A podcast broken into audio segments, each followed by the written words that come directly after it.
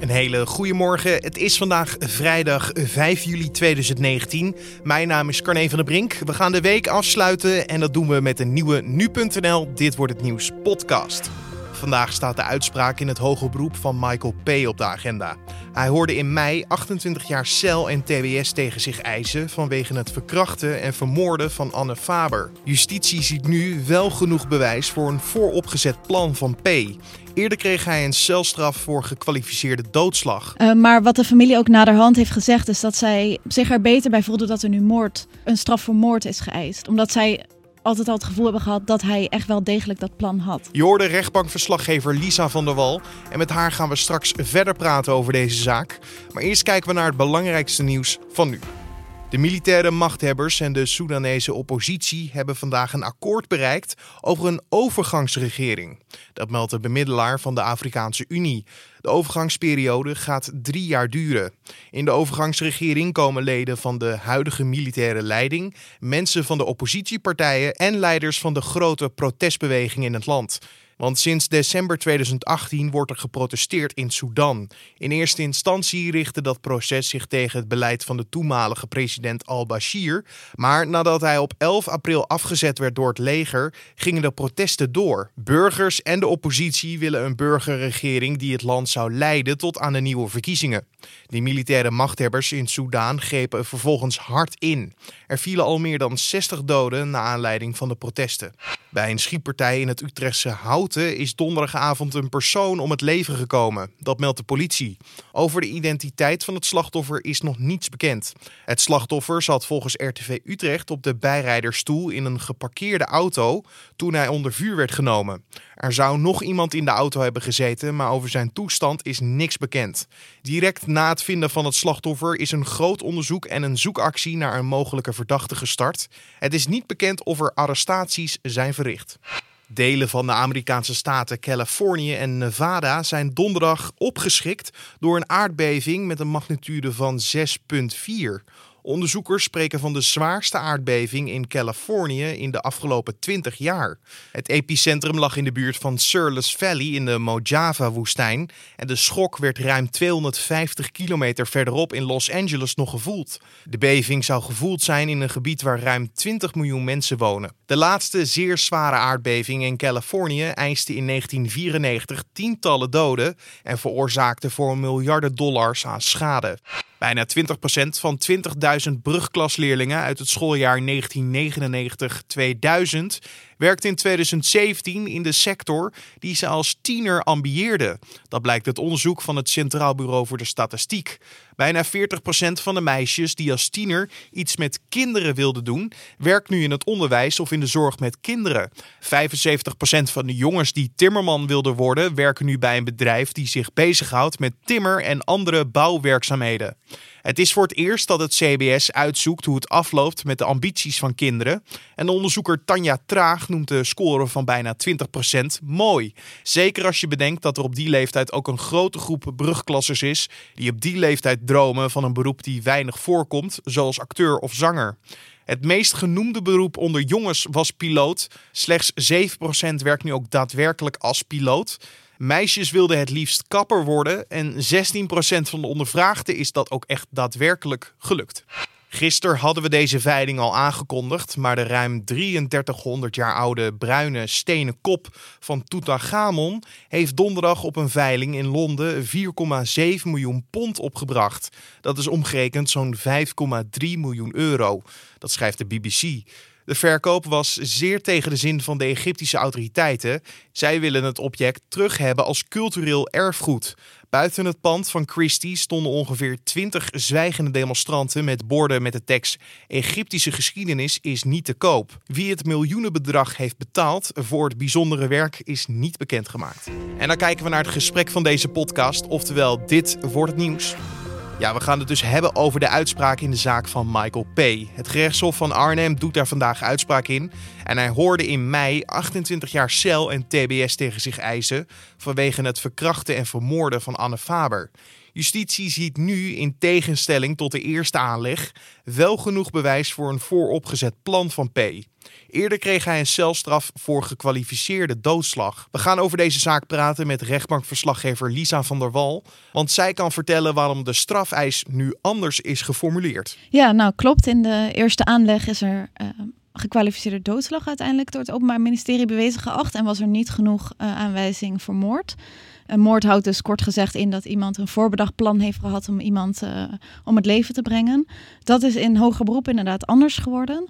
En het Openbaar Ministerie heeft nu dus uh, dezelfde strafwijs, dus die 28 jaar in TBS met dwangverpleging, maar dan nu voor moord in plaats van gekwalificeerde doodslag. Ja, opmerkelijke dingen. Je noemt er al twee. Ik wil eerst even bij het begin ja. beginnen. Natuurlijk het verschil tussen gekwalificeerde doodslag en moord.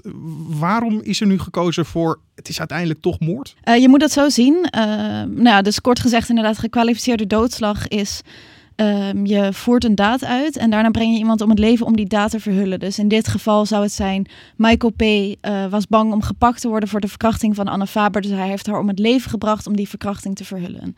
Dat, is, dat, dat houdt kort gezegd ge gekwalificeerde doodslag in.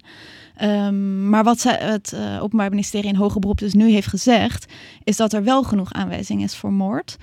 Um, en dat hangt van een aantal dingen in deze zaak af. Uh, namelijk dat uit een ritreconstructie is gebleken dat hij haar al eerder heeft gezien dan dat hij heeft gezegd. Hij zegt: Ik ben per ongeluk op haar gebotst. Nou, wat zij denken is dat hij haar heeft gezien, vervolgens met zijn scooter uh, verder is gereden en daar een botsing in scène heeft gezet of expres op haar is gebotst. Nou, dat verhaal. Uh, en aan ook dat hij zijn telefoon uitgezet zou hebben. Um, omdat hij natuurlijk wist van ik wil niet uh, dat ze me kunnen traceren. Nou, uh, allemaal dat soort bewijs, dat hebben ze bij elkaar opgeteld. En dat vinden zij nu voldoende om te zeggen, jij had wel degelijk een plan om haar iets aan te doen. Dus nu hebben ze ervoor gekozen om het dus moord te noemen. Ja. Dan zou je misschien kunnen denken van ja, dan wordt het ook een heftige straf. Maar die is hetzelfde. Die is hetzelfde gebleven. Het blijft die 28 jaar cel en TBS met dwangverpleging. En dat komt omdat eigenlijk voor gekwalificeerde uh, doodslag en moord kun je hetzelfde eisen. Dus ook voor gekwalificeerde doodslag hadden ze kunnen zeggen: we willen dat jij levenslang vastzit.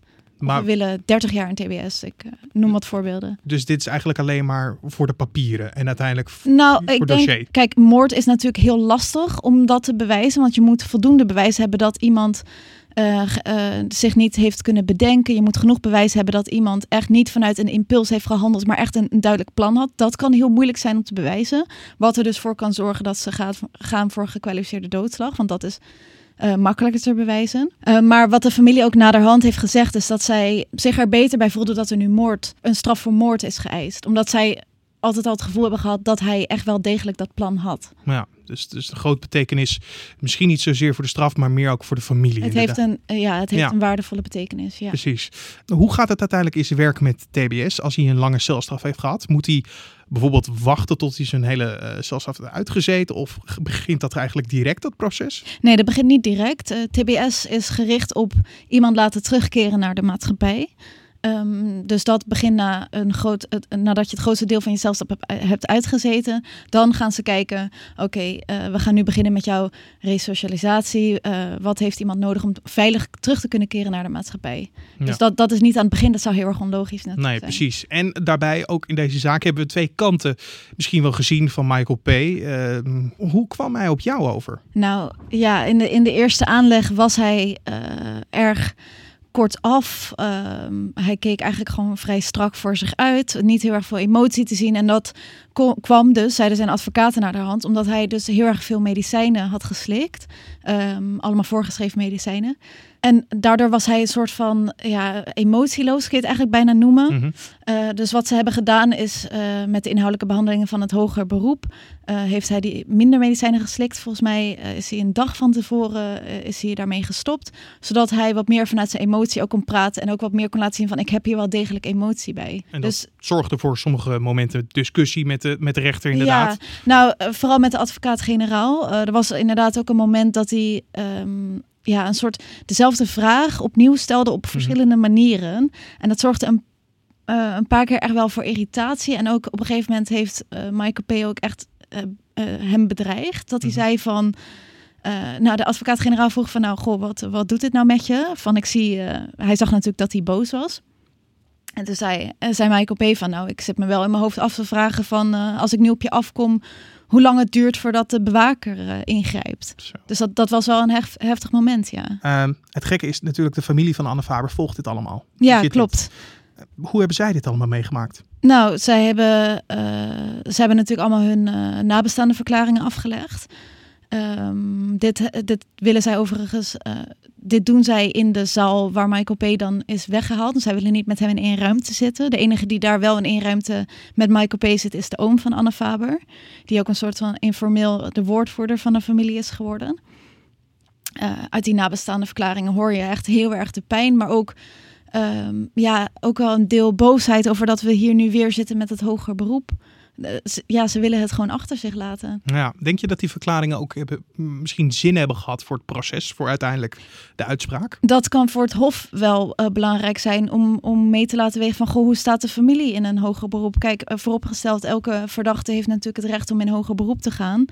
Eh, maar als een verdachte dan geen openheid meer, eh, nog steeds geen openheid geeft en eh, die sleept de familie weer door een pijnlijk proces heen, dan kan dat zeker wel meegewogen worden, ja. Ja, dit is het hoge beroep van de, eigenlijk het oorspronkelijke proces tegen Michael P. Ja.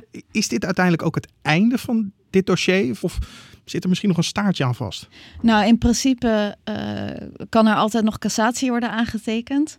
Ehm, dat betekent dus eh, dat de Hoge Raad gaat kijken van eh, is het eh, oordeel van het Hof goed geformuleerd? Zijn er ergens beoordelingsfouten geweest? Betekent niet dat die hele zaak dan weer daar gaat, gaat dienen. Dat is niet zo. Er wordt echt alleen puur inhoudelijk gekeken naar hoe is het vonnis geweest? Hoe is het arrest geweest?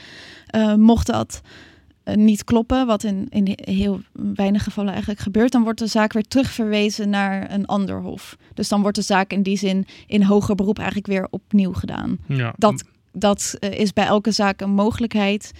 Ehm, ik schat hem hier niet per se eh, in. En als dat gebeurt, dan horen we dat later pas. Ja. Niet vandaag. Nee. Vandaag het hoge beroep. We gaan we volgen. En jij bent erbij? Ja, zeker. Eh, we zullen de uitspraak eh, gaan live bloggen ook. Je hoorde rechtbankverslaggever Lisa van der Wal. En natuurlijk, zoals al zei, gaan we ook vandaag live bloggen over deze uitspraak. Die vind je op nu.nl en in de nu.nl app. En verder vandaag zal de zomervakantie voor de Tweede Kamer beginnen. In periode van reces vergadert de Tweede Kamer niet. Naast het genieten van iets meer rust in de recesperiode kunnen Kamerleden de volgende vergaderperiodes voorbereiden en allerlei stukken en dossiers bestuderen. Op maandag 2 september eindigt het zomerreces weer. De twee Nederlandse organisatoren van het vorige week afgelaste festival Festiveel in het Belgische Lommel verschijnen vandaag voor de raadkamer. De broer en zus worden nu onder meer verdacht van oplichting en duizenden festivalbezoekers verschenen uiteindelijk ook echt bij de ingang van het festival. Maar toen hoorden zij pas dat het festival was afgelast. En dan kijken we nog even naar het weer. Vooral in het zuiden wordt het vandaag zonnig en warm. Het kan daar wel 27 graden worden. In het noorden en het midden zijn meer wolken aanwezig. Daar schommelt de temperatuur rond de 19 graden. Verder staat er een matige noordwestenwind die op de Wadden en rond het IJsselmeer vrij krachtig kan zijn. En om af te sluiten nog even dit. De 35-jarige Amerikaan Joey Chestnut heeft donderdag in New York voor de twaalfde keer, ik herhaal voor de twaalfde keer, de Nathan's Famous 4th of July Hot Dog Eating Contest, ook wel bekend als het wereldkampioenschap hotdogs eten, gewonnen. Hij at in 10 minuten tijd 71 hotdogs. Daarmee verbeterde hij niet zijn eigen record. In 2018 at hij namelijk 74 hotdogs in 10 minuten. Ik ben een beetje ontgoocheld, maar ik heb de concurrentie verpulverd. Ik moet een manier vinden om nog wat sneller te handelen en zo mijn record scherper te stellen. Dat zei Chestnut na zijn overwinning. Bij de vrouwen was Miki Sudo de beste. Zij at 35 hotdogs in 10 minuten en won haar zesde titel. De wedstrijden van de heren en de dames worden traditiegetrouw op onafhankelijkheidsdag gehouden in New York. Ik ben alleen benieuwd, na die 74 hotdogs bij de mannen en die 35 hotdogs bij de vrouwen, zouden ze daarna nog hebben gedineerd? Of zouden ze een maaltijd hebben overgeslagen? En dit was dan de Dit Wordt Het Nieuws podcast voor deze 5e van juli. Je vindt de podcast natuurlijk elke maandag tot en met vrijdag om 6 uur ochtends op de voorpagina van nu.nl. En je kan ons laten weten wat je van deze podcast vindt in een mailtje naar podcast.nu.nl of een recensie in iTunes. En natuurlijk zal er vanmiddag ook weer een redactievergadering plaatsvinden. Dat nemen wij op en dat zal de Week van Nu podcast worden. Die kan je vanmiddag gewoon vinden op de voorpagina van nu.nl of in je favoriete podcast app. Mijn naam is Carne van der Brink. Voor nu wens ik je een hele mooie vrijdag en een mooi weekend. Ik ben er volgende week even een weekje niet. Maar mijn collega's Jan en Julien zullen je weer bijpraten over wat er die dagen gaat gebeuren.